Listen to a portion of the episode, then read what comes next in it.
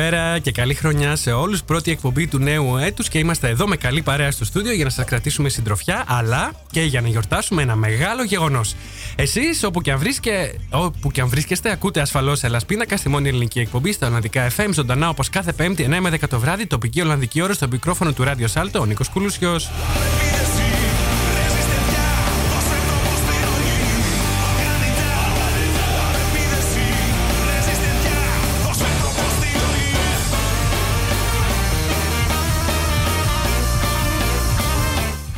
Εκπέμπουμε ζωντανά από το δημοτικό σταθμό του Άμστερνταμ. Υπάρχουν τρεις τρόποι για να μας ακούσετε live. Αν αγαπάτε το συμβατικό ραδιόφωνο και βρίσκεστε στο Άμστερνταμ, θα μας βρείτε στο ράδιο Σάλτο στους 106,8 των FM και καλωδιακά στο κανάλι 103,3 πάλι και μόνο στην περιοχή του Άμστερνταμ. Ενώ διαδικτυακά μας ακούτε παντού στον κόσμο από το ελάσπιντακά.com, το site μας με ένα κλικ στο κουμπί Listen Now.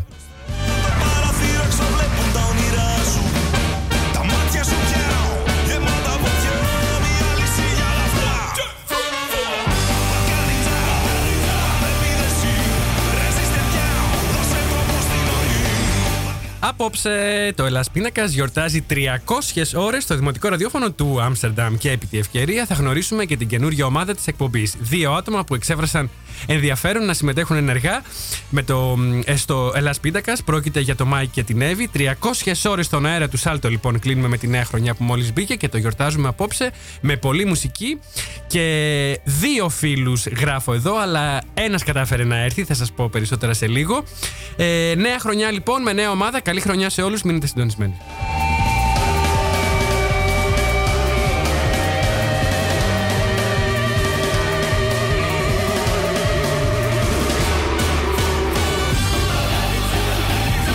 Αν είστε χρήστης λάτρης των social media, θα μας βρείτε σε όλα τα κοινωνικά δίκτυα, στη σελίδα μας σε Facebook, Twitter και Instagram. Ενώ για να επικοινωνήσετε μαζί μας ζωντανά, μπείτε τώρα στη σελίδα του Ελασπίντακα στο Facebook και αποστάρετε εκεί το σχόλιο σας ή γράψτε μας μέσα στο Twitter χρησιμοποιώντας το hashtag Ελασπίνακα και hashtag 300 hours.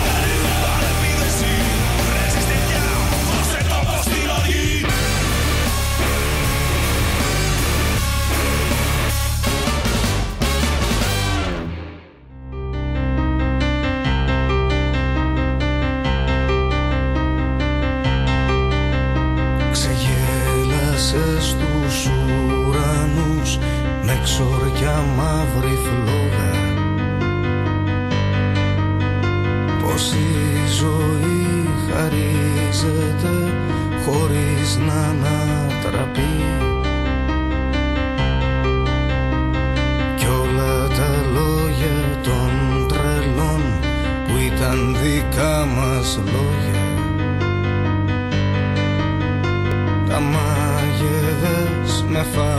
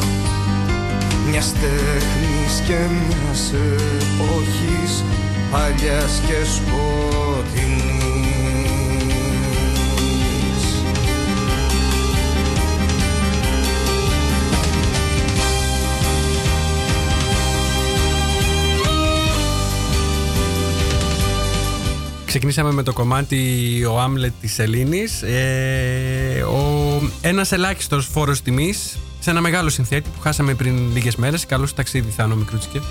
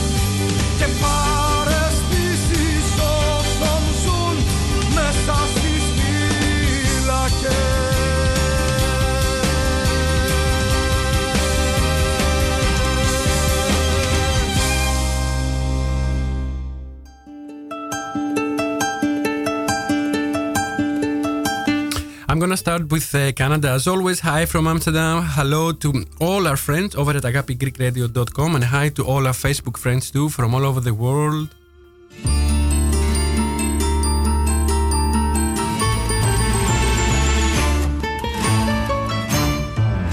Ένα βράδυ που βρέχε που βρέχε μονότονα Έφυγες αγάπη μου. Ποιος σε πήρε να ξέρα Και θα τον εσκότωνα.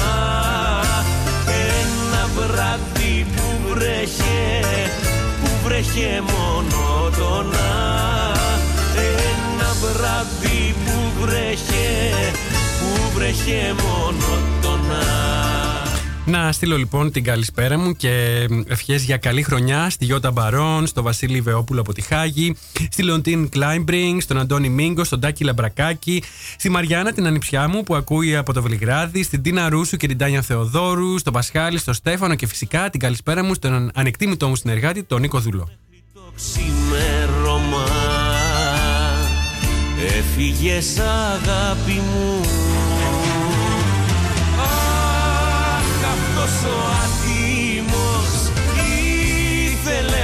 ήθελε μαχαίρωμα ένα βράδυ που βρέχε μέχρι το ξημέρωμα. Ένα βράδυ που βρέχε μέχρι το ξημέρωμα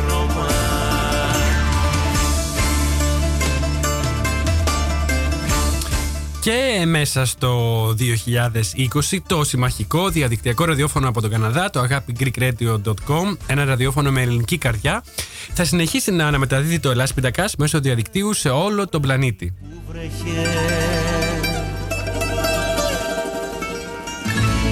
Μέχρι που εχάραξε Έφυγες αγάπη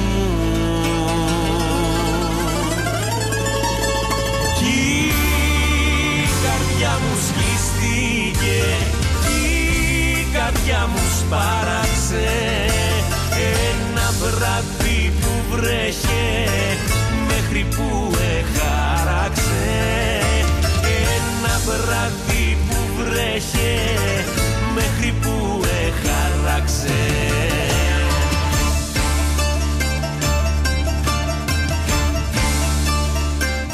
Για όσους είστε στην Ολλανδία ή σε κάποια χώρα με την ίδια ώρα με την Ολλανδία μας ακούτε από το αγάπη greekradio.com σε ηχογραφημένη πάντα αναμετάδοση κάθε μέρα στη μία το μεσημέρι. Όσοι δηλαδή χάνετε το ζωντανό Ελλάς Πίντακας κάθε πέμπτη βράδυ, μπορείτε να ακούτε την αναμετάδοση από το αγάπη greekradio.com κάθε μέρα στη μία το μεσημέρι. Βέβαια, on demand, όλες τις παλιότερες εκπομπές μας μπορείτε να τις ακούτε και μέσα από το site μας, elaspidacas.com, στην ενότητα εκπομπές ή απλά μέσα από το κανάλι μας στο SoundCloud. Από το SoundCloud τώρα μπορείτε να κατεβάζετε όποια εκπομπή θέλετε και σας ενδιαφέρει και να την έχετε στο αρχείο σας. Μπείτε στο SoundCloud, βρείτε την εκπομπή που θέλετε, κάντε κλικ στο κουμπί More και μετά στο Download.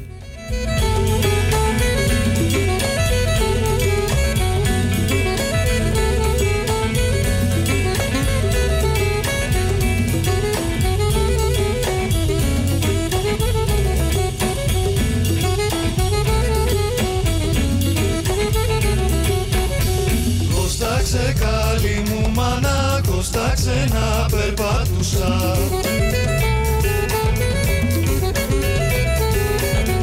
Πως τα ξένα περπατούσα Τις όμορφες παρατηρούσα. Πως τα ξένα περπατούσα Τις όμορφες παρατηρούσα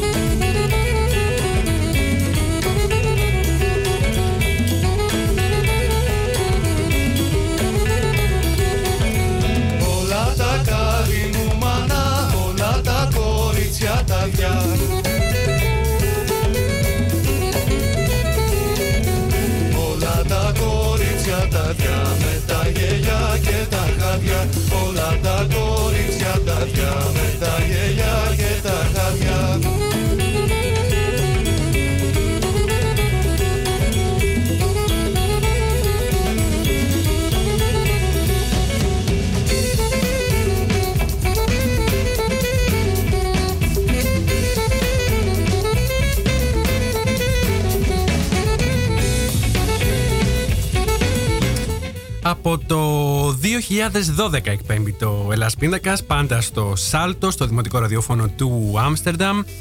Και μέσα σε αυτά τα 8 χρόνια συνέβησαν πολλά ωραία που ανήκουν στην κατηγορία των highlights που θα λέγαμε και σε άπτεστα αγγλικά.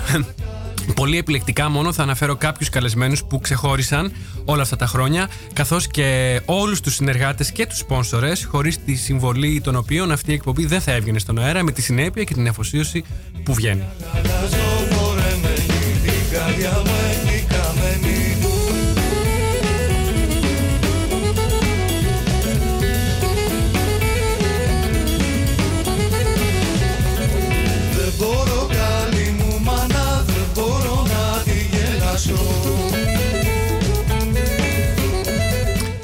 Highlights λοιπόν, θα ξεκινήσω από τις μεγάλες κυρίες του ελληνικού πενταγράμμου, ονόματα θρύλη, όπως η Ελευθερία Ερβανιτάκη που ήταν και η μόνη ε, από όσους έχουν δώσει συνέντευξη στο Ελλάς Πεντακάς που κατάφερε να είναι στο στούντιο και να δώσει τη συνέντευξη από εδώ. Ε, αλλά φυσικά μεγάλες κυρίες όπως και η Γλυκερία, η Μαρία Φαραντούρη και η Άλκης της Πρωτοψάλτη πιο πρόσφατα που δώσανε έστω και τηλεφωνικά συνέντευξη στο Ελλάς Πίντακας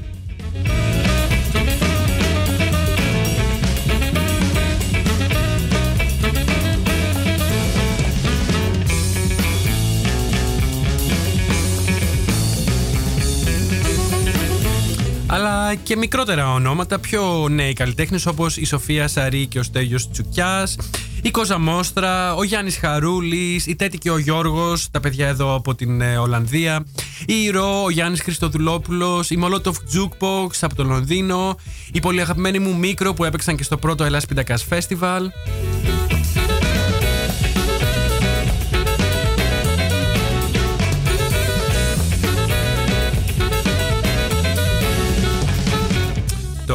Πρώτο Ελλάς Πιτακάς Festival ήταν ε, από μόνο του ένα highlight της όλης πορείας ε, της εκπομπής αυτής, όπως φυσικά και η δημιουργία του δίγλωσσου site μας του ελλάσπιτακάς.com.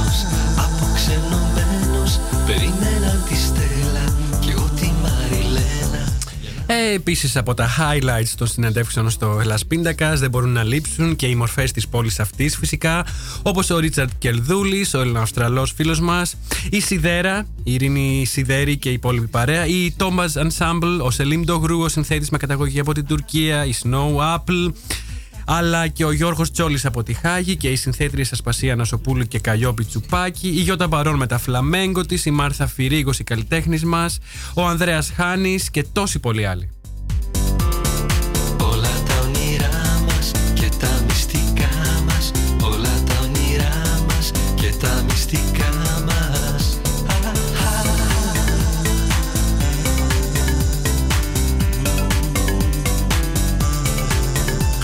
Δεν θα μπορούσα φυσικά να παραλείψω και τον πρώην Δήμαρχο Θεσσαλονίκης, τον αγαπητό μου κύριο Γιάννη Μπουτάρη, το σκηνοθέτη τον Νικόλα Σταμπουλόπουλο, την ψυχολόγο από, το, από την Χάγη και από την, ε, ε, και από την Ένωση Ψυχολόγων, την ε, Λαμπρινή Κιωσέ, γεια σου Λαμπρινή, τον Πρωθυπουργό της Ολλανδίας Ρούτε που απάντησε σε ερωτήσεις του Hellas Pindakaas και τι παίξαμε εδώ στην εκπομπή, ε, όπως και ο πρώην Υπουργός Εξωτερικών της Ολλανδίας Μπέρτ Κούντερς.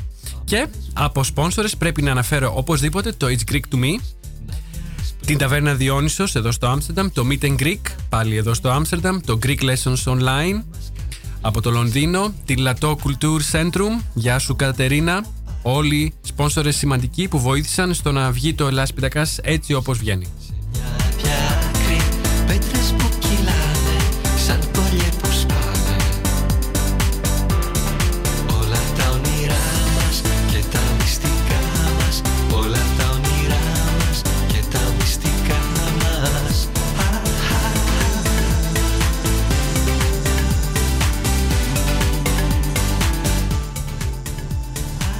Λοιπόν, και από συνεργάτες να ευχαριστήσω ιδιαίτερα τον Δημήτρη Κρανιώτη από την ε, Arc for Art.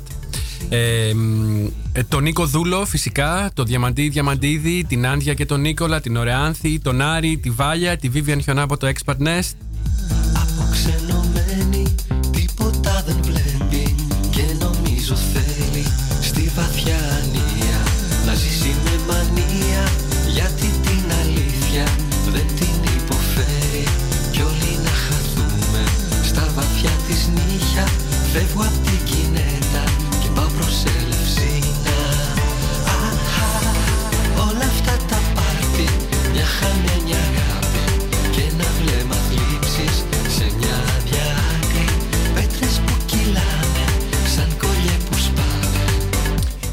Αν τυχόν ξεχνάω κάποιον, είτε συνεργάτη, είτε μ, ε, μ, συμμετέχοντα εδώ στην εκπομπή, είτε σπόνσορα, να με συγχωρέσετε. Η μέρα, ήταν η μέρα σήμερα μεγάλη και γεμάτη γεγο- γεγονότα, θετικά και αρνητικά και ίσως ε, μας ξέφυγε κάτι.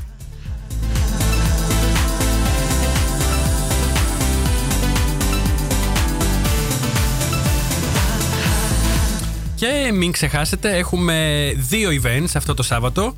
Καταρχήν έρχεται ο Φίβος Δελιβοριάς, το Σάββατο αυτό όπως είπαμε, ε, μεθαύριο, ναι, μεθαύριο, στο Μέλκβεχ. Αλλά το ίδιο βράδυ στις 8.30 στο Mix 3 εδώ στο Άμστερνταμ έχουμε και το Duo Harmani. Greek Rebetiko Night with Μεζέδες. Οι Μεζέδες έμαθα ότι θα ετοιμαστούν από την πολύ πολύ πολύ καλή φίλη της εκπομπής, την Τίνα Ρούσου. Ε, η Duo Harmani, για όσους δεν ξέρουν, είναι ο Thomas Hausman ή αλλιώς Θωμάς Νικοκύρης, ε, ο Ρεμπέτης εδώ Ολλανδός και ο Μανώλης Φραγκιαδάκης. Λοιπόν, Duo Harmani, Greek Rebetiko Night with Μεζέδες, το Σάββατο στις 8.30 στο Mix 3.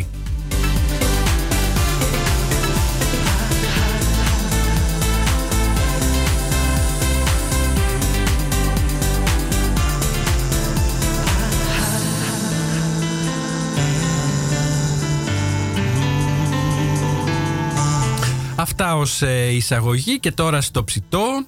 Τα παλιά ανήκουν στα παλιά και απόψε κάνουμε χώρο για το καινούριο.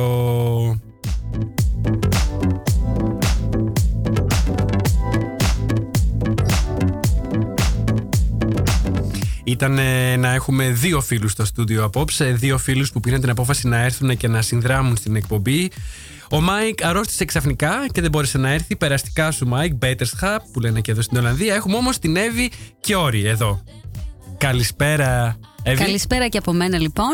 Ε, Καλώς σας βρήκα.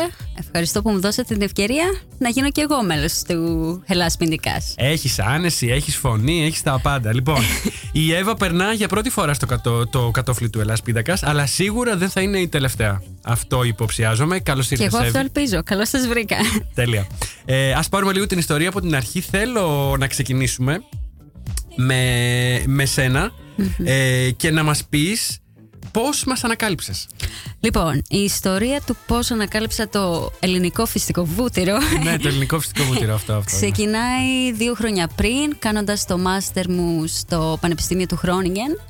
Μπαίνοντας στη διαδικασία του να ψάξω να βρω πού θα κάνω την πρακτική μου μόλις τελειώσω, ανακαλύπτω ότι υπάρχει ένα ελληνικό ραδιόφωνο στο Άμστερνταμ. Και λέω, βρε, λες, λες να πάω κατά εκεί. Τελικά δεν ήρθα τότε. Ναι, ναι. ήρθα τώρα όμως. Ναι, ναι, ναι, δεν έχει ναι, σημασία. ναι, ναι. Ε, Ε, το μάστερ ήταν ε, δημοσιογραφίας; ναι, ναι, ναι. Σπούδασα, έκανα το μάστερ δημοσιογραφίας στο Χρόνιγεν. Ωραία. Έχοντας αφήσει πίσω την υπέροχη Αθήνα, ηλιόλουστη Αθήνα. Άσε, άσε, αυτό πονάει. Ε, και ναι, κάπως έτσι ανακάλυψα για το Hellas Πιντικά. Όταν μετακόμισα λοιπόν στο Άμστερνταμ, Ναι. Έβαλα ένα βράδυ να ακούσω, έχοντας ακούσει όλη μέρα Ολλανδικά και Αγγλικά. Λέω, θέλω Να κάτι κάνεις διαφορετικό απο- τέλος αποτοξίνωση. πάντων. Από, αποτοξίνωση. Πες Ναι. μας λίγο έτσι για αυτή την πρώτη φορά που ήρθες σε επαφή και μας άκουσες ε, μ, άκουσες μία εκπομπή ας πούμε ε, Μήπως θυμάσαι και ποια ήτανε; Δεν θυμάμαι ακριβώς Ωραία. ποια Πε- ήταν. πε- Πες μας έτσι λίγο τι ένιωσες, ποια είναι τα αισθήματά Ωραία, σου. τε- τε- τε- ωραία, ωραία. ε, ναι. Λοιπόν, ε, η πρώτη εντύπωση ήταν Α, ωραία μουσική παίζει αυτή η εκπομπή. Μάλιστα, σε ευχαριστώ. Μ' αρέσει. Σε μ' ευχαριστώ. αρέσει. Να είσαι καλά. Ε, Επίσης η κουβέντα με τον καλεσμένο, δεν θυμάμαι ακριβώς ποιος καλεσμένος ήταν Ναι. και δεν θέλω να σου πω ψέματα τώρα. Όχι, όχι, όχι, ναι, για, ναι, να, ναι. για να βγω ότι. Α, Είχε ενδιαφέρον. είχε ενδιαφέρον και είχε και πλάκα. Και λέω, κοίταξε Α. να δεις, μήπως να στείλω κι εγώ. Θέλω κι εγώ να πάω. ναι, έπρεπε να το κάνεις επί τόπου. ε, φαντάζομαι ότι το έκανες λίγο Το καιρό έκανα μετά. λίγο- λίγο καιρό ωραία, πια μετά. Ωραία. Ε, για την ιστορία να σας πω ότι η Εύη μου έγραψε λίγο πριν τις γιορτές, αν θυμάμαι Ναι, καλά. ναι, ναι. Αλλά δεν βρεθήκαμε. Νομίζω ήσουν και στην Ελλάδα για Ναι. την πρωτοχρονιά. Ακριβώς. Και με το που μπήκε η νέα χρονιά, είπα θέλω να τους έχω και τους δύο, και τον Μάικ και την Εύη. Να κάνουμε έτσι μια καινούργια αρχή σαν παρέα. Ε, μ, ε, τι σου έκανε να θέλεις να, να γράψεις και να συμμετέχεις στην εκπομπή; Λοιπόν, η ε, αγάπη σου για. Όχι, εσύ, εσύ θα μας τα πεις. Άκου τώρα. Ναι. Λοιπόν, ε, πάντα είχα το μικρόβι της ε, δημοσιογραφίας και λέω: Εντάξει, αφού υπάρχει αυτή η ευκαιρία στο Άμστερνταμ, Ναι. γιατί όχι, δεν έχω να χάσω κάτι. Το πολύ Εννοείται. πολύ να μου πούν όχι. Μ, δεν είναι ούτε η πρώτη ούτε η τελευταία Νομίζω φορά. δεν περίμενες ότι θα σου πούμε. Και όχι. καλά, εντάξει, δεν το ξέρεις κιόλας. Αλλά ναι, είχες και Αλλά ένα. λέω να. Εγώ θα κάνω ό,τι κάνω πάντα. Θα στείλω Έτσι, και έτσι, έτσι. θα δω τι θα γίνει. Ναι. Μου είπατε ναι, λέω θα πάω. Ναι, ναι. Φυσικά και θα πάω. Εννοείται, εν- εννοείται. Το μου είπατε δεν νομίζω να αναφέρεσαι Ε, σε, μου σε είπες, μένα. μου είπες, Ωραία. μου είπες, Νίκο, μου με είπες. άκουσες λίγο, με άκουσες. λοιπόν, ε, τώρα, να μάθουμε λίγα πράγματα για σένα γιατί δεν γνωρίζουμε αρκετά. Ρώτα με, Σχεδόν λοιπόν. καθόλου. Πες μου λίγο που γεννήθηκες, που μεγάλωσες έτσι, τα πολύ έτσι, Πολύ αρχικά ερωτήματα. Λοιπόν, γεννήθηκα στην Αθήνα, στην Κεσαριανή, την όμορφη Κεσαριανή. Α, μάλιστα. Ε, τε- Εργατοσυνοικία. Εργατοσυνοικία. Ωραία, Εννοείται. ωραία. Μ' αρέσει, μ' αρέσει. Ε, Ναι. Φτιαγμένη από μικρασιάτες πρόσφυγες. Έτσι, έτσι, έτσι, έτσι, με έτσι. μεγάλη ιστορία, εννοείται. Ναι. Ε, μεγάλωσα λοιπόν στην Κεσαριανή. Την αγαπώ βαθύτατα σαν Αχα. ε, περιοχή. Ναι. Ε, μ, και έζησα εκεί μέχρι τα 24 μου χρόνια όταν και Αχα. αποφάσισα να φύγω από την ε, Αλ- Ελλάδα και να βρεθώ στην Ολλανδία. Μάλιστα. Ε, β- κάνε μια ανωτελεία. Θα, θα, Ναι, θα ναι, σε ναι. ρωτήσω για τον ερχομό σου στην Ολλανδία. Πες μου λίγο στην Ελλάδα ε, μ, τι σπούδασες, πώς ήταν η ζωή μεγαλώνοντας. Νομίζω θέλεις να μας αποκαλύψεις και κάτι. Ε, για τη μαμά και τον μπαμπά. Α, ναι, ναι, ναι. θα μας τα Αχ, πεις, να αχ, σε αυτοί οι ρωτήσω, γονείς. θα μας τα πεις. Λοιπόν, θα σας τα πω, γιατί να μην Αυτό σας που τα λέμε πω. και στα ελληνικά, από πού κρατάει η σκούφια σου; Λοιπόν, η σκούφια μου κρατάει. Είναι μεγάλο το ταξίδι, λοιπόν. Ναι, ναι, ναι. Ε, μ, εγώ είμαι μισή-μισή, είμαι μισή Αλβανίδα και μισή Ελληνίδα. Ναι. Ε, Ε, η μαμά είναι. Η μαμά είναι Αλβανίδα και ο παπά Από πού; Έλληνας. Από πού η η μαμά; μαμά είναι από το Τεπελένη. Α, Ιστορικό το επίσης. γνωστό Το ιστορικό, γνωστό θρηλυκό. ιστορικό ναι, ναι, ναι, ναι, Τεπελένη. Μάλιστα, μάλιστα. Ε, η μητέρα μου μετακόμισε μαζί με την οικογένειά της το 89 στην Ελλάδα. Ήταν δηλαδή από τους πρώτους. Ήταν από τους πρώτους πρώτους. Πριν καν ανοίξουν τα σύνορα. Ναι, πολύ παράνομα. Ναι. Δεν ήθελαν, μετακόμισαν Κάπως στην Ελλάδα. εκδιώχθηκαν κατά εκδιώχθηκαν, έναν ε, τρόπο, ναι, γιατί ναι. ήταν ε, λόγω της πολιτικής κατάστασης ε, στη χώρα. Μμμ. Βρέθηκαν λοιπόν στην Ελλάδα, μ, γνωρίστηκε η μαμά μου με τον μπαμπά μου. Ναι. Πιο μετά και ήρθα εγώ στον κόσμο. Τι ωραία. Ε, αδέρφια έχεις; Έχω δύο αδερφές, είναι είστε δίδυμες. τρία κορίτσια; Είμαστε τρία κορίτσια, μόνο Α, και είναι κορίτσια στο δίδυμες. σπίτι. Μάλιστα, μάλιστα. Ναι. Ε, Πώς ήταν η ζωή μεγαλώνοντας, ένιωθες ότι Κοίτα. έχεις αυτή τη διπλή ταυτότητα; Ναι. Το ένιωθες καθημερινά και Το- πώς ας πούμε το ένιωθες σαν βαρός ή ήταν κάτι που σε απελευθέρωνε ίσως; Ε, μέχρι τα 8-9 χρόνια ήταν μεγάλο βάρος. στο σχολείο Ε, στο πού; σχολείο ναι. κυρίως. Ε, είχες πειράγματα και Είχα τέτοια πολλά και... πειράγματα. Α πούμε, θυμάμαι μια φορά και είχα κλέψει πάρα πολύ τότε. Ε, μ, Θυμάμαι μια φορά ήταν ένα παιδί, έκανε πάρτι γενεθλία, ένα παιδί μου. οχ, Και η μαμά ήρθε να καλέσει τα άλλα παιδάκια. Και δε- ήμουν η μόνη που δεν κάλεσε. Ωραία. Και ρωτάω λοιπόν τι το απαράδεκτη παιδάκι. μαμά. Ε, Τέλος πάντων, αυτά συμβαίνουν. Ε. ε, ρωτάω λοιπόν το παιδάκι, γιατί εμένα δεν με κάλεσες, εγώ σε κάλεσα στα δικά μου γενέθλια. δηλαδή είναι δυνατόν. Και τι σου είπε; Είμαι, ήμουνα πάντα λίγο έτσι. Θα ρωτήσω. Τέλος πάντων, ε, ρωτάω Και και, πολύ μου καλά λέει: Η έκανες. μαμά μου δεν ήθελε γιατί δεν είσαι Ελληνίδα. Εν τω μεταξύ, παρένθεση. Τον Και Ελληνίδα ξάδερφό είσαι. μου Α, ναι. τον είχαν καλέσει. Αυτό Και είναι το Ελληνίδα αστείο. πάντως είσαι. Έστω ναι, κατά ναι, το ναι, ίμιση. καλά, ναι, αλλά δεν ήμουν Άσε- 100%. άσε που γεννήθηκες, ναι, αλλά γεννήθηκες κατάλαβες. και στην Ελλάδα. Αυτό ήταν το πρόβλημα της, ότι εγώ δεν ήμουν 100%. Και λέω εντάξει, δεν πειράζει. Πάω σπίτι πλαντάζοντας πια. Ναι. Και ο μπαμπά μου μου λέει το επικό που νομίζω ήταν και η φράση που με απελευθέρωσε. Ναι. Είσαι χαζό παιδάκι με, εσύ μιλάς ήδη δύο γλώσσες. Κουβαλάς Είναι προσόν. μέσα σου Είναι προσόν. δύο διαφορετικούς πολιτισμούς που σε κάνουν αυτό που είσαι και κάθεσαι και κλαις επειδή κάποιος δεν σε κάλεσε στο πάρτι. Θα κάνουμε δικό μας πάρτι. και αυτό κάναμε. Τέλειος ο, ο, ο Μπομπάς. Πλανικά είναι στο κάτω-κάτω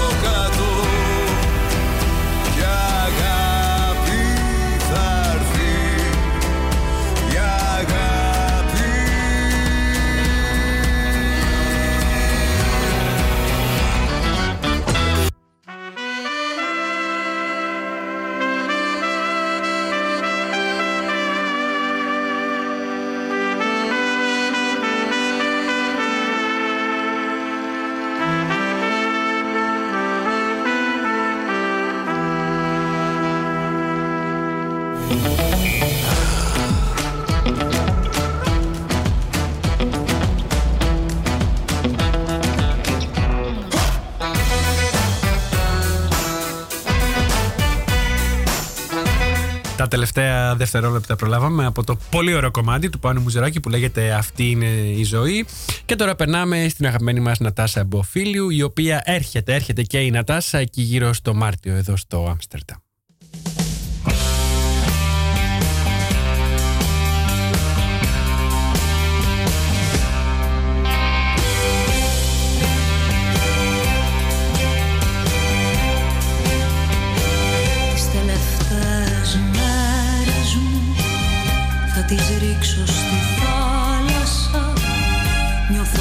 Νιώθω λες και μεγάλωσα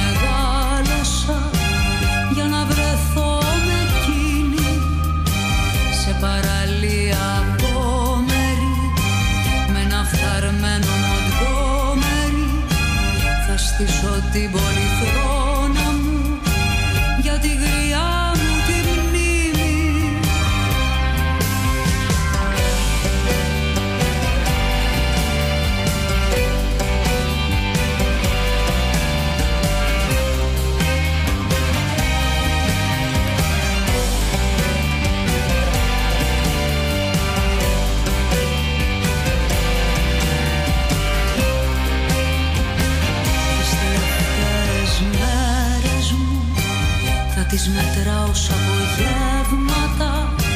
Θα παραθέτω γεύματα για τα φαντάσματα μου. Θα ξαγρυπνάμω στις δυόμιση κάνοντας μια ταξινόμηση στις εμπειρίες του βίου μου. Στα παιδικά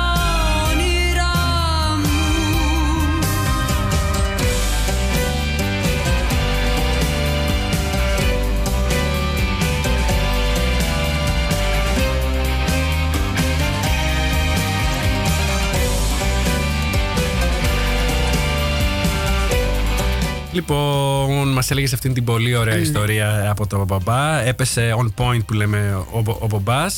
ε, με την ατάκα αυτή. Τώρα, ε, τι σπούδασες στην Ελλάδα, μας το Λοιπόν, είπε. Όχι, δεν σας το είπα γιατί. Ναι. Είπα για το παρελθόν μου. Ναι, τέλος ναι, ναι, πάντων. ναι, ναι, ναι. Ε, Είπαμε για το μάστερ όμως. Απλά να τα πάρουμε λίγο από την αρχή τα Ωραία. των, τα των σπουδών, ναι. Μμμ. Λοιπόν, ε, σπούδασα ε, μέσα επικοινωνίας και πολιτισμό, δηλαδή δημοσιογραφία στο Πάντιο Πανεπιστήμιο, στο υπέροχο αυτό κτίριο, να το πούμε έτσι. Έτσι, έτσι, έτσι, έτσι, να το πούμε. Ε, Και δούλεψα για το News 24-7 για δυόμιση χρόνια Μάλιστα. και, βρε, και αποφάσισα να κάνω το μεταπτυχιακό μου. Ε, έφυγα και βρέθηκα Ναι. στο Χρόνιγκεν. Πριν ένα χρόνο ήρθες. Πριν δύο χρόνια. Πριν δύο χρόνια, ναι. Ε, μ, γιατί διάλεξες αυτές τις σπουδές, Ένα πουλάκι μου είπε ότι κοιτούσες και προς τη νομική λίγο. Κοιτούσα Ε; πάρα πολύ στη νομική λόγω των, ε, των γονιών. Όχι Α, ότι μάλιστα. ήταν δική μου επιλογή. Αλλά επέλεξα δημοσιογραφία. Τι είναι αυτό που σε ελκύει στη, στη δημοσιογραφία; δημοσιογραφία. Ε, το, ότι γεγονό- το γεγονός ότι εσύ σαν δημοσιογράφος πρέπει να κάτσεις να ψάξεις την αλήθεια, να τη βρεις την αλήθεια και αν μπορείς να τη μεταφέρεις αυτή την αλήθεια, εμένα με εξητάρει πάρα πολύ. Μμμ. Επίσης το να δίνεις φωνή σε όλους αυτούς τους ανθρώπους που δεν έχουν φωνή, θεωρώ ότι είναι πολύ σημαντικό. Πολύ Ειδικά σημαντικά είναι σε και μια τα δύο. κοινωνία που ε, στο τώρα που ζούμε εμείς, Ναι, ναι. βλέπουμε ομάδες περιθωριοποιημένες Παρόλο που τα media έχουν ανα- αναπτυχθεί όσο δεν πάει, και Ναι, ιδίως ναι. στα social media, ε, φωνή δεν έχουν όλες οι. Ακριβώς. Ιδίω οι μειοψηφικέ ομάδες, οι μικρότερες ομάδες. Ακριβώς. Ναι. Ε, μ, πιστεύεις η καταγωγή σου που έχεις και αυτή τη διπλή ε, ιδιότητα, ταυτότητα προσών, θα το πούμε όπως το είπε ο Μπομπάς, παίζει ρόλο στο να θέλεις να δώσεις φωνή; Δηλαδή, ναι, εννοείται, εννοείται. ε, αν ήσουν γεννημένοι ε, από δύο Έλληνες ε, γονείς στην Αθήνα, μπορεί να παίρνεις άλλη. Καλά, δεν νομίζω. Όχι. Δηλαδή, Νομίζεις, εκ- γνωρίζοντας εκεί τον θα σε εαυτό έβγαζε. μου, Εκεί θα σε έβγαζε πάλι. η Εκεί ζωή. θα πήγαινα. Ωραία. Αλλά νομίζω ότι παίζει κάποιο ρόλο. Νομίζω και εγώ ότι παίζει κάποιο ρόλο. Ε, γιατί διάλεξες την Ολλανδία; Ήταν εντελώς τυχαίο το Ήταν ότι θέμα διάλεξα. πανεπιστημίου; Ήταν καταρχάς το Γλώσσας; master που διάλεξα ήταν top rated, δηλαδή είχε πολύ Α. καλές κριτικές κλπ. Ε, είναι στα 40 καλύτερα παγκοσμίως. Μπα. Και λέω εντάξει, καλό είναι εκεί. Α πάμε. Η άλλη επιλογή ήταν το Λονδίνο και ήταν πολύ ακριβό. Κοίταξε, είναι και, είναι και πολύ ακριβό, είναι και πολύ μεγάλο και γενικά η ποιότητα ζωής που θα βρεις στην Ολλανδία δεν τη βρίσκεις. Και λέω εντάξει, πάμε στο Χρόνιγκεν. Τι έχει, κρύο, δεν πειράζει. Εντάξει, μωρέ, συνηθίζεται. Γιατί το Λονδίνο τι είναι, Κρύο. ζούγκλα; ναι. Ε, τώρα, μία τελευταία ερώτηση έτσι, για να κλείσουμε τα της Ελλάδας λίγο. Θέλω να μου πεις. Ε, Όπως το καταλαβαίνεις, έτσι. Ναι, ναι. Θέλω να μου πεις τι άφησες πίσω φεύγοντας από την Ελλάδα; Ω, Τι δεν πήρες μαζί σου; τι δεν πήρα μαζί μου; Δεν πήρα μαζί μου λίγο ήλιο. Πω, και πώς θα Αν μπορούσες. είναι δυνατόν. Όχι, ε, δεν πήρα μαζί μου. Άφησα πίσω μου ένα μεγάλο κομμάτι του εαυτού μου. Α, Ε, μ, άφησα πίσω μια σχέση τεσσάρων Αλήθεια; χρόνων. Ναι. τι; Ε, Γιατί. Είχε λήξει; Διαφορετική. Ε, είχε λήξει και Οκ. ήταν και. ξέρεις, η απόσταση. Α, α, Οκ, ναι, οκ. οκ. Ε, άφησα πίσω την αρχή μιας καριέρας για, να- για να, Ναι, όντως. για να Ναι. Ε, Προσπαθήσω θα να βρω κάτι καλύτερο. Έβαλες μια άνω τελεία. Ναι, εντάξει. ναι, ναι. Ενώ πάντα μπορείς να επιστρέψεις. ναι, ναι, ναι, ναι, ναι. Γράφεις από εδώ για Γράφω, Ελλάδα. γράφω, γράφω. Γράφω ακόμα για το Πληρώνεσαι; news. Ε, Πληρώνεσαι; πληρώνομαι. Μπράβο. Κάτι λίγα, αλλά Μπράβο. πληρώνω. Δεν έχει σημασία. Ό,τι και Όχι, να είναι. είναι σωστή και Ναι. τους αγαπώ για αυτόν τον λόγο. Μπράβο Γιατί τους. σέβονται τους ανθρώπους που... Ε, τους τιμώ και εγώ. Και το εκτιμώ αυτό. Μπράβο, μπράβο, ναι. Ε, τώρα, όταν ήρθε στην Ολλανδία, πώς τα βρήκες τα πράγματα, Ήταν αυτό που περίμενες; Ε, σε πρώτο στάδιο ήρθε εδώ σαν ε, φοιτήτρια. Ναι, το πανεπιστήμιο ήταν αυτό που, που το πανεπιστήμιο περίμενες; εξαιρετικό. Εξαιρετικό, πραγματικά. Αλήθεια, μ, ένα πράγμα, αν θα μπορούσα να πω κάτι για τους Έλληνες Ναι. Που είναι στην Ελλάδα ή όποιον μας ακούει, αν έχουν σκοπό να πάνε να σπουδάσουν κάπου έξω, η Ολλανδία είναι ο προορισμός για να σπουδάσουν. Έτσι, Ναι. το πανεπισ- Τα πανεπιστήμια είναι σαφώς πολύ καλύτερα από αυτά της Ελλάδας. Τα δίδακτρα ήταν ε, Τα τσουχτερά για το δίδακτρα μάστερ. δεν ήταν ε, τόσο τσουχτερά, γι' αυτό Πάνω από επέλεξα. διχίλιαρο. Διχίλιαρο. Εκεί, γύρω. εκεί, Οκ, εκεί. ναι. Αυτό θυμόμουν και εγώ έτσι λίγο. Εντάξει. Ναι. Δεν είναι τζάπα, αλλά δεν είναι και Όχι, όχι, Λονδίνο, όχι. ξέρω είναι, εγώ. Είναι doable που λέμε και Ναι. στα ελληνικά. Doable. Ε, Είναι βατό. Τέλος πάντων. Ε, μιλάμε τώρα. Εντάξει, δεν είναι και λίγο το, το ποσό, αλλά για όποιον θέλει. Καλά, ναι, όποιος θέλει Και έχει και τη δυνατότητα. έχει τη δυνατότητα και το σκέφτεται, Ναι. Πιστεύω ότι η Ολλανδία είναι ο προορισμός να πας. Οκ. Μα μας τα λες όλα θετικά. Θέλω να μου Πες πεις, μου. θε- θέλω να, να μου πεις και ποιο ήταν το νούμερο ένα θέμα που αντιμετώπισες. Δηλαδή, τι σε δυσκόλεψε με το που ήρθες εδώ; Υπήρχε κάτι που σε δυσκόλεψε. Δεν θα γίνω κλασική τώρα και να πω ο καιρός. Ε, θα το ξεπεράσω. εντάξει, οκ, ήταν ναι, το κάτι ξεπερνάμε, δύσκολο. ναι, ναι. ε, αλλά το πολιτισμικό σοκ, ναι, ήταν μεγάλο. Γιατί Ναι, είναι ναι. πολύ διαφορετικές οι κουλτούρες. Η νοοτροπία; Η νοοτροπία των ή, ο ανθρώπων τρόπο- είναι. ή και ο τρόπος ζωής, ας Και πούμε; ο τρόπος ζωής. Εννοείται. Το πρώτο πράγμα που παρατήρησα, να σου πω στο Χρόνιγκεν, ήταν ότι γιατί τα σπίτια δεν έχουν κουρτίνες; Ναι, Τι ναι, γίνεται; ναι, ναι, ναι. δεν έχουν κουρτίνες, δεν έχουν μπαλκόνια. Και- α, ναι, αυτό ναι, εντάξει. Απλά επειδή είναι λίγο πιο παλιά Δεν τα έχουν κτίρια, κάποια τέντες. έχουν. Ναι. Ναι, ναι, και ναι, λέω ναι. τι κάνουν αυτοί όταν έχει ήλιο; Και μου λένε Ε, «Δε, σχεδόν δεν έχει ήλιο. Πρώτον δεν έχει ήλιο και δεύτερον δεν τους πολύ τους νοιάζει. νοιάζει. Βασικά τον ήλιο τον θέλουν οπότε δεν θα τον μπλοκάρανε με τίποτα. Αλλά δεν τους νοιάζει και να τους βλέπουν απ' έξω. Αυτό δηλαδή δεν ακριβώς. έχουν Δηλαδή περνούσα στον δρόμο και την έβλεπα τον τροπή. άλλο που Αυτή έτρωγε. την Και τροπή λέω, που έχουμε. Ναι, ναι, ναι, ναι, ναι. Είναι πολύ ανοιχτή Ναι. σε αυτό. Ε, όταν χρειάστηκες βοήθεια, ε, πού απευθύνθηκες; Ε, Μπήκες μόνος σου και τα ψάξε όλα, τα βρήκες στο. Εννοείς σε όλα Το τα ίντερνετ. διαδικαστικά θέματα; Ναι, Το και πανεπισ- πριν και με το που ήρθες. Ωραία. Όχι μόνο στο πανεπιστήμιο. Πες, χρειάζεται, ρε παιδί μου, σπας το πόδι σου, λέω τώρα χτύπα ξύλο. Ωραία. Ε, Ας μην το είναι σπάσουμε. κάτι ιατρικό. Ωραία. Ε, κάτι για το σπίτι. Το πρώτο που θα κάνεις είναι θα ρωτήσεις τον περίγυρό σου. Ωραία. Τους τρεις φίλους, γιατί τόσοι είστε. Μην μη λέτε ψέματα. Τρεις. Τρεις είναι. Ε, είναι από, ε, είναι Έλληνες, όχι; Όχι. Από είναι από ποιες- διαφορετικές χώρες. Ωραία, τέλεια, Γερμανία, τέλεια. γενικά. Ακόμα καλύτερα, ακόμα Όποιον καλύτερα, μπορείς. ναι. Τέλος Ναι. πάντων, θα ρωτήσεις το περίγυρό σου. Αν Ναι. αυτοί δεν ξέρουν, θα Ναι. το γκουγκλάρεις. Οκ. Είναι η πρώτη σου. Οκ. Εντάξει, και ζούμε και στην εποχή του Εννοείται. γκουγκλάρω τα πάντα. Εννοείται. Και αν πάλι το Google δεν βγάζει άκρη, ε, τότε θα πας να ψάξεις σε κάτι πιο ειδικό. Ναι, ναι, ναι. ναι, ναι. Ε, στην ελληνική κοινότητα πήγες καθόλου ψάχτηκες αν έχει κάτι στο χρόνο και δεν το γνωρίζω για να είμαι ειλικρινής. Ε, να σου πω Έχει την αλήθεια, Έλληνες, και αλλά εγώ Έλληνες έχει πάρα πολλούς. δεν ξέρω αν έχει οργανωμένη κοινότητα. Οργανωμένη κοινότητα. Α, ναι, υπάρχει. Έχουν σελίδα στο Facebook. Είναι, ονομάζονται οι Έλληνες του Χρόνιγκεν. Οι Έλληνες του Χρόνιγκεν. Έχεις Ναι. γίνει μέλος. Ε, τους ακολουθώ και με ακολουθούν γιατί Ναι. έγραψα κάποια στιγμή κάτι στα ελληνικά και το πόσταρα εκεί και με ακολούθησαν. Ωραία, ωραία, ωραία, Και ωραία, κάπως ωραία. έτσι έμαθα και για τους Έλληνες του Άμστερνταμ. Α, μέσα από εκεί. Ναι. Ωραία. Ε, εδώ μου πες παρέα κάνεις ε, με τους, με τους τρεις φίλους σου Με που τους είναι από τρεις φίλους μου. διαφορετικές. ε, ναι. με Έλληνες, έχεις, Ναι. βρει, έχεις βρει Έλληνες, κάνεις... Ε, Έχω στο γνωρίσει πανεπιστήμιο πολλούς είσαι- Έλληνες γενικά. Συμφοιτητές, είχες κανέναν Συμφοιτητές Έλληνα; όχι, ήμουνα η μόνη. όχι, εντάξει, ναι. Ε, είναι και μάστερ τώρα. Είναι και μάστερ και είναι και λίγο. Ήμασταν 9 άτομα όλοι και όλοι. 9 Ε, νοματέοι. ναι. Ακριβώς, Δηλαδή, ακριβώς, ακριβώς. Ε, οπότε έχω γνωρίσει όμως πάρα πολλούς Έλληνες εδώ στο Άμστερνταμ, ειδικά. Ναι. Ε, και στο Χρόνιγκεν πάρα πολλούς, αλλά δεν ξέρω για, για ποιο λόγο. Δεν ε, είναι ότι λέμε Α, να συναντηθούμε. Ξέρεις, αυτό που λέμε να κανονίσουμε να βγούμε για καφέ και δεν βγαίνεις ποτέ. Ξέρεις τι συμβαίνει, αν και εγώ μ, τους εκτιμώ τους λίγους και καλούς Έλληνες ναι, φίλους ναι, που ναι, έχω ναι. πλέον, γιατί παλιότερα όταν είχα έρθει ήμουν και φοιτητής ήμουν μόνο με ξένους και μου έλειπαν Ναι. λίγο. Ε, αλλά είναι αλήθεια ότι δεν βρίσκονται όσο θα βρισκόταν αν ήταν στην Ελλάδα, ας πούμε. αυτό Που ακριβώ. βρισκόμαστε σχεδόν κάθε μέρα. Ε, Ολλανδούς φίλους έκανες; Ολλανδούς Βρήκες; φίλους έχω μόνο Φιλίες; μία Α, Ολλανδή πάλι φίλη. καλά. Κολλητή. Α, α. Ε, πέρα από αυτήν, όχι. Γενικά δεν ξέρω. Με τους Ολλανδούς έχω ένα, ένα σκάλωμα, να σου πω την αλήθεια. Δηλαδή Ναι, δεν είναι πες καθόλου το μας. ρατσιστικό. Αλλά Πες το μας, πες το μας. Ε, Πού κολλάει το θέμα. Πού κολλάει, Νο- δεν ξέρω. νομίζεις; Η νοοτροπία τους.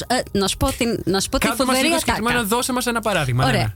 Ναι. Φοβερή ατάκα. Ναι, ναι, ναι. Λοιπόν, έχω βγει έξω στο Χρόνιγκεν και είναι τώρα ένας Ολλανδός τύπος, με πλησιάζει και μου λέει: Μου χρωστάς Α, ναι. 6 δισεκατομμύρια. Το Του γνωστό. λέω, γιατί του λέω, εγώ μόλις σε Αχ. γνώρισα. Ε, μου λέει, γιατί η χώρα σου. Και του λέω, συγγνώμη, του λέω, αυτό τώρα είναι ατάκα πεσήματο. Άσε Και τώρα. έφυγα. Και γι' αυτό το λέω από τότε. Καλύτερα, κάτι- άμα δεν έχεις να πεις κάτι Μα ναι. που να αξίζει, Μην. μην, μην, μην, Μην. το ανοίγεις. Εμένα μου είπαν και το άλλο. Ήρθες εδώ για το διαβατήριο; Αχ. Που εγώ είμαι εδώ από το 99. Αχ. Και δεν έχω κα- μπει καν στη διαδικασία να μπω να, να ψαχτώ Μα για. αν είναι δυνατόν. Ναι. Και τέτοια φάση. Ωραία.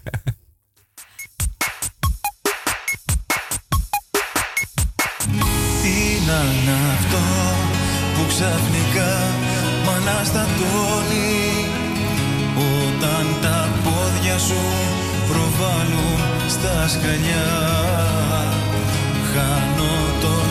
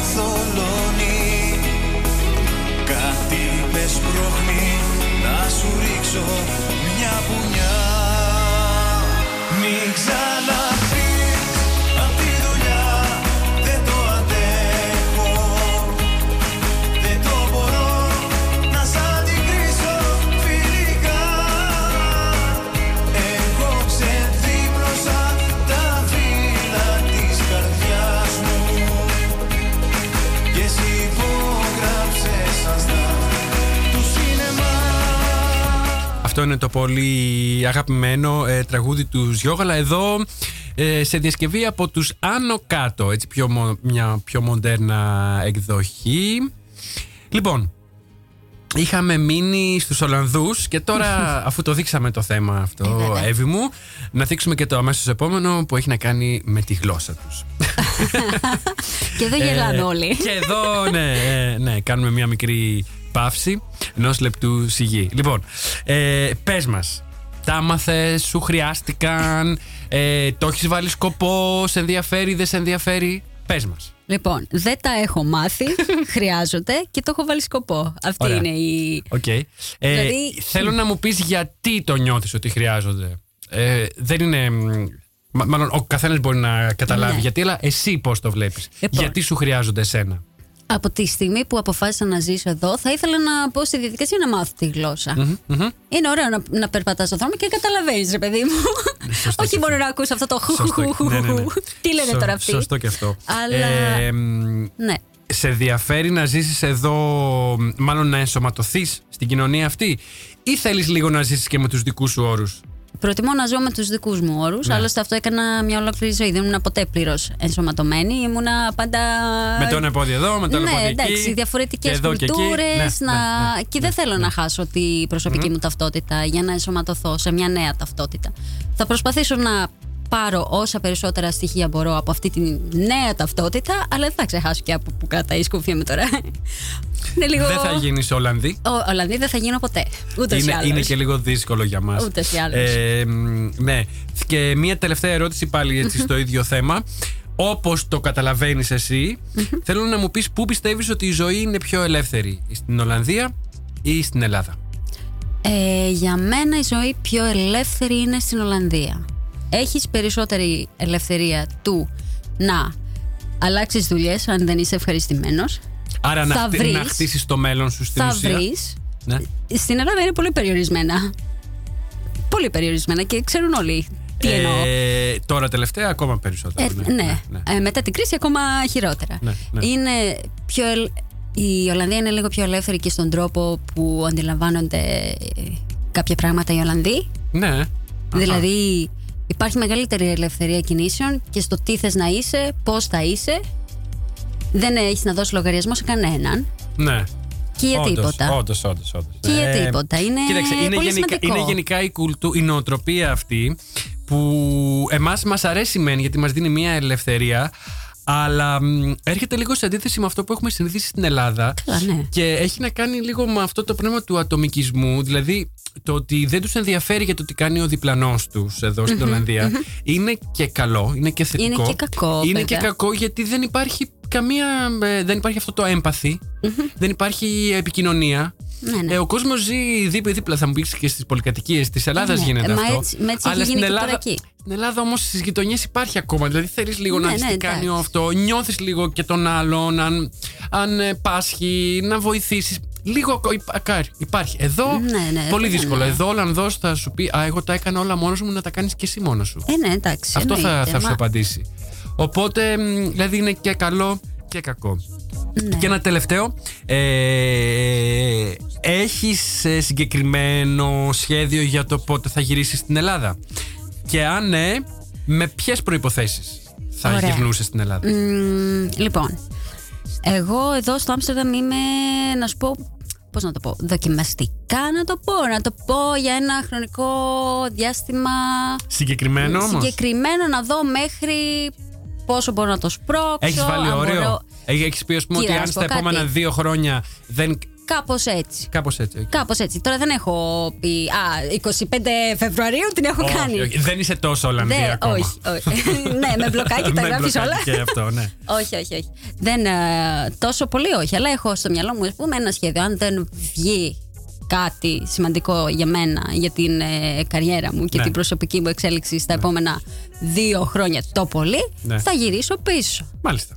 Ε, τώρα, να πάμε και λίγο στα επαγγελματικά. Βεβαίως. Ε, Θέλεις να μου πεις αυτή τη στιγμή ποια είναι η κυρία σου ασχολία; Λοιπόν, αυτή Γιατί τη στιγμή. φαντάζομαι ότι δεν ζεις από τη δημοσιογραφία Όχι. ακόμα. Ναι. όχι, όχι, λίγο δύσκολο. Άμι, ε, εννοώ, αν. ε, Αστιάκι του συναφιού μας αυτό. ναι, ναι. Κανένας δημοσιογράφος Ε, στην αρχή ναι. δεν ζει από αυτό. και σίγουρα όχι από μία. Εννοείται. Δουλειά, Μα ναι, ναι. εννοείται. Ε, Λοιπόν. Άρα πώς τα βγάζεις πέρα; Πώς τα βγάζω πέρα. Λοιπόν, εργάζομαι αυτή τη στιγμή σε ένα κατάστημα με τουριστικά στο κέντρο. Τέλεια. Ωραία. Τέλεια. Ε, στο πλάι γράφω κιόλας. Εννοείται. Για το news, για το Εννοείται. One Man, το Ladylike. Εννοείται. Εννο, εννοείται. Ό,τι Τι μπορώ. θα ήθελες να κάνεις εδώ, Έχεις έτσι ένα όνειρο; Ένα όνειρο. Ε, Θα ήθελες, ας πούμε, το είναι ιδανικό, το ας όνειρο σου πούμε. ναι, να ασχοληθείς με τη δημοσιογραφία Ναι, εδώ; Αυτό θέλω. Αυτό Αλλά θα στα, ήθελε. ελλη- σε, στα, σε ποια στα γλώσσα; αγγλικά. Α, στα αγγλικά. καλά. Αυτό join το the πρόβλημα. club. ναι, join the... Μπες στην ουρά. Ναι. Ξε- Ξέρεις Αυτό ποιο είναι είναι το πρόβλημα. θέμα, ότι είναι πολύ λίγα τα μέσα. Είναι δηλαδή μία εφημερίδα στη Χάγη. Ναι. Το dutchnews.nl και κανένα δυο. Ναι, ναι, το ξέρω. Ε, και το που δουλεύει και ο, ο, ο, ο Γιάννης ο Πλειός, ο Γε- και το. Πώς λέγεται αυτό, Άμστερνταμ, κάτι City Mag, κάπω έτσι. Α, ναι, σουλα- το City Mag. Είναι δύο-τρία, ε, τα οποία συνήθως έχουν πολύ μικρό Ε, ναι, budget, έχουν, budget και μικρό προσωπικό. Οπότε, Πέντε άτομα. Ναι, και αν θέλουν, θα θέλουν συνήθως native speakers. Και είναι πολύ Ναι. δύσκολο για κάποιον που δεν είναι να εισχωρήσει. Τέλος τέλος πάντων. Ε, δεν θα το εγκαταλείψω, θα το προσπαθήσω. Έτσι, έτσι, έτσι, έτσι, έτσι, έτσι, έτσι, έτσι,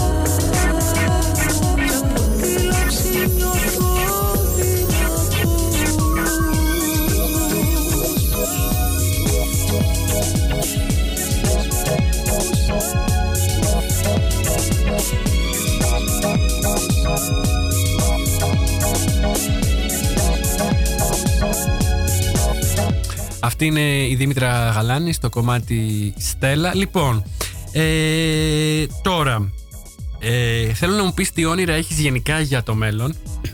Πού ας πούμε θέλεις να το φτάσεις αυτό που...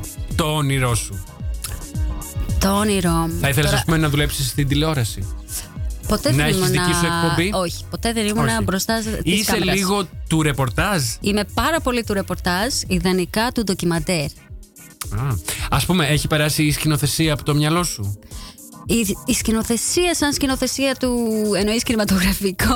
δε- όχι, μιλάς για ντοκιμαντέρ ας πούμε. Ντοκιμαντέρ, Συνήθως ναι. ντοκιμαντέρ Ναι, γυ- ναι, ναι, γυρίζουν εντάξει. οι σκηνοθέτες. Οι σκηνοθέτες, αλλά Και οι δημοσιογράφοι, αλλά οι δημοσιογράφοι έχουν το. μ, Ξέρεις, το σπικάζ, ας πούμε, πιο πολύ. ναι, ναι, ναι, το ναι, ναι, κομμάτι εντάξει. αυτό. Ε, του κατά ντοκιμαντέρ. τη διάρκεια του μάστερ. Ε, Έχεις κάνει κάτι; Δούλεψα πάνω σε αυτό. Δηλαδή, Τι να ωραία. κάτσω και να. Με ποιο θέμα; Ε, Έτσι, δώσε μας μια ιδέα. Τι, τι εννοείς, τι Έχει θέλω να ασχοληθεί κάνω; με κάτι; Όχι, Ε, για το κοινωνικά ντοκιμαντέρ. ρεπορτάζ, Κοινωνικά, ωραία. κυρίως. ωραία. Ε, τώρα θέλω να μου πεις και τι σχέδια έχεις για τη συμμετοχή σου στην εκπομπή αυτή. Ου, αυτό δεν το περίμενα αυτό. Όντως, ναι. λοιπόν, ε, μ, μ' αρέσει να κάνω αυτό που κάνουμε τώρα. Ωραία. Άρα Μ' αρέσει θέλει. να είμαι ναι. εδώ, Ε, να, να παίρνω συνεντεύξεις. Μου είπες ότι θες να πάρεις Λατρεύω. συνέντευξη και από την Νατάσα, την Ποφίλιου. Αυτό θα ήταν ωραίο. μ, ε, ελπίζω ότι θα γίνει πραγματικότητα όπως το συζητήσαμε με τον Δημήτρη τον Γκρανιώτη ε, κάποια στιγμή. Οπότε σου είπα ότι ναι, αυτό θα γίνει. Ε, Α πούμε, θα ήθελες κάποια στιγμή να σε αφήσω και μόνη σου εδώ; Αμέ, γιατί όχι; Τέλεια. Ε, Μ' με αρέσει επίβλεψη. που δεν. Ε; Με επίβλεψη. Όχι, εννοώ επειδή είναι λίγο καινούρια όλα τα Ω. πράγματα εδώ, αλλά ναι, το εντάξει, θέλεις. το- το θέλω, ναι, γιατί; Θα τα μάθεις. Ωραία. Τέλεια. Ε, τώρα, πες μας και τι ευχή θα έδινες για το νέο έτος και αν έχεις και New Year's resolutions. Και θα κλείσουμε με αυτά. Ε, μ, τι ευχή για το νέο έτος. Εύχομαι ε, παγκόσμια ειρήνη. Κάνω Μην- πλάκα. μην το Αλλά γελάς, μην το αυτές τις γελάς, μέρες τα παίζει, γεγονότα, Παίζει, ναι, ναι. παίζει. παίζει. Ε, εύχομαι μ, όλοι μας και ο καθένας ξεχωριστά Ναι. ε, να είναι πρώτα απ' όλα ευχαριστημένοι με τη ζωή που έχουν και αν δεν είναι να δουλέψουν μέχρι να είναι Τι ωραία που τα λες, ναι, ναι. Ε, Και New Year's resolutions για δεν, σένα; δεν έχω new, new year, new me. Δεν πιστεύω σε αυτά τα μην πράγματα. μπαίνεις στο τρυπάκι αυτό. Δεν Άστο. πιστεύω σε αυτά τα λοιπόν, πράγματα. Για τέλος, κράτησα ένα πολύ μικρό multiple choice που κάνουμε εδώ στο Ελλάς 5K σε μια προσπάθεια να ερευνήσουμε με, έτσι, με λίγο εύθυμο τρόπο ποιος πραγματικά είναι ο καλεσμένος μας και πόσο millennial είναι. λοιπόν, εγώ το ονομάζω μ, ε, The Silly Millennial Personality Test, ο Φελάς Πίνακας και θέλω να μου πεις από τις παρακάτω έννοιες ποια είναι πιο κοντά σε σένα, είναι έτσι binary. Ωραία. Οπότε έχουμε διαδίκτυο ή βιβλίο, Βιβλίο. laptop ή smartphone, Λάπτοπ. ε, Instagram or Facebook; Instagram. Εδώ. Facebook, ε, sorry, αγγλικά ή ελληνικά; Ελληνικά. Α, τηλεόραση ή YouTube. Ή YouTube. streaming, ας πούμε. YouTube. Ε, οικολογία ή τεχνολογία. Οικολογία. Social networking or social anxiety. Social anxiety. Όχ, όχ, όχ. ε, vegan ή meat lover. Τι είσαι. Meat lover. Γυμναστήριο ή bar. Γυμναστήριο. Ε, online shopping ή window shopping; Window shopping. Την ίδια Πόλη. ευχαρίστηση. Σε παρακαλώ. Πόλη ή εξοχή; Πόλη. Και παρόν ή μέλλον; Ζεις το τώρα ή ζεις σκεφτόμενη τι θα γίνει αύριο; Πόσο δύσκολο. Δύσκολο αυτό, σκεπτόμενη, σκεπτόμενη το τι θα γίνει Το αύριο, ε. Ναι. Α, το είσαι οποίο λίγο- δεν είναι είσαι πάντα λίγο- καλό, είσαι αλλά τέλος λίγο πάντων. αγχώδης. Είμαι- Γενικά. Είσαι ε. λίγο, ε, το έχεις, ναι. Μοιάζουμε σε αυτό. Λοιπόν, φτάσαμε στο τέλος. Ευχαριστώ ιδιαίτερα την Εύη που ήταν εδώ Εγώ μαζί μου ευχαριστώ. απόψε και γιορτάσαμε παρέα τις 300 ώρες του Ελλάς Πίντακας.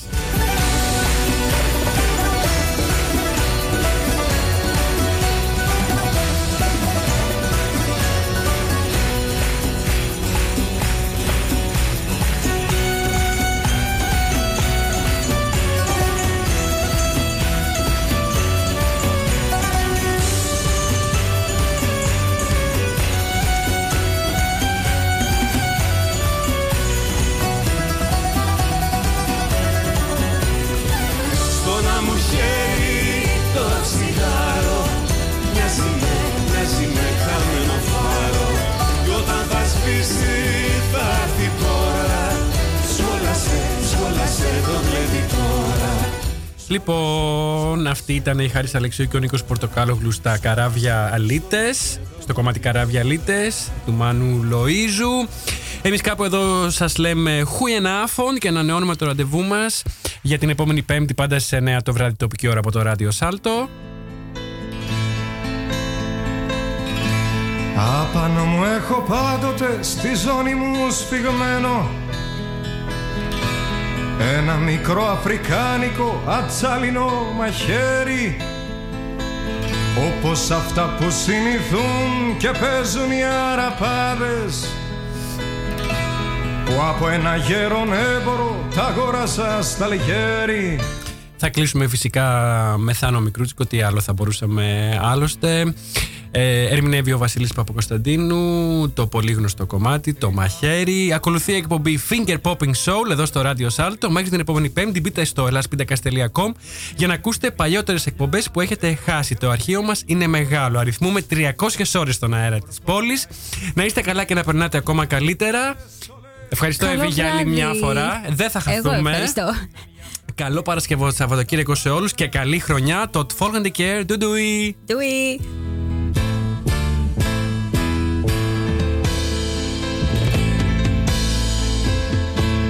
Doei. Ε, τούτο το μαχαίρι εδώ που θέλεις να αγοράσεις.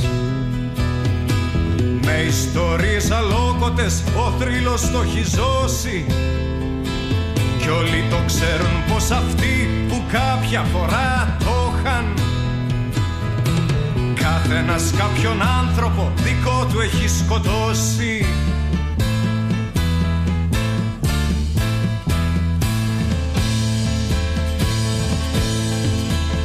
Ο Δον Βασίλειος σκότωσε με αυτό τη Δόνα Τζούλια.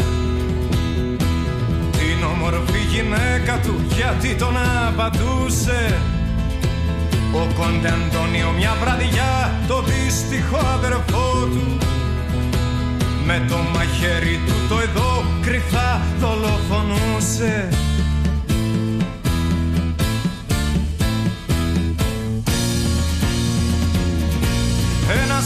στη μικρή ερωμένη του αποσύλια και κάποιος ναύτης Ιταλός σε ένα γρεκόλο στρώμο χέρι σε χέρι ξέπεσε και στα δικά μου χέρια. Πολλά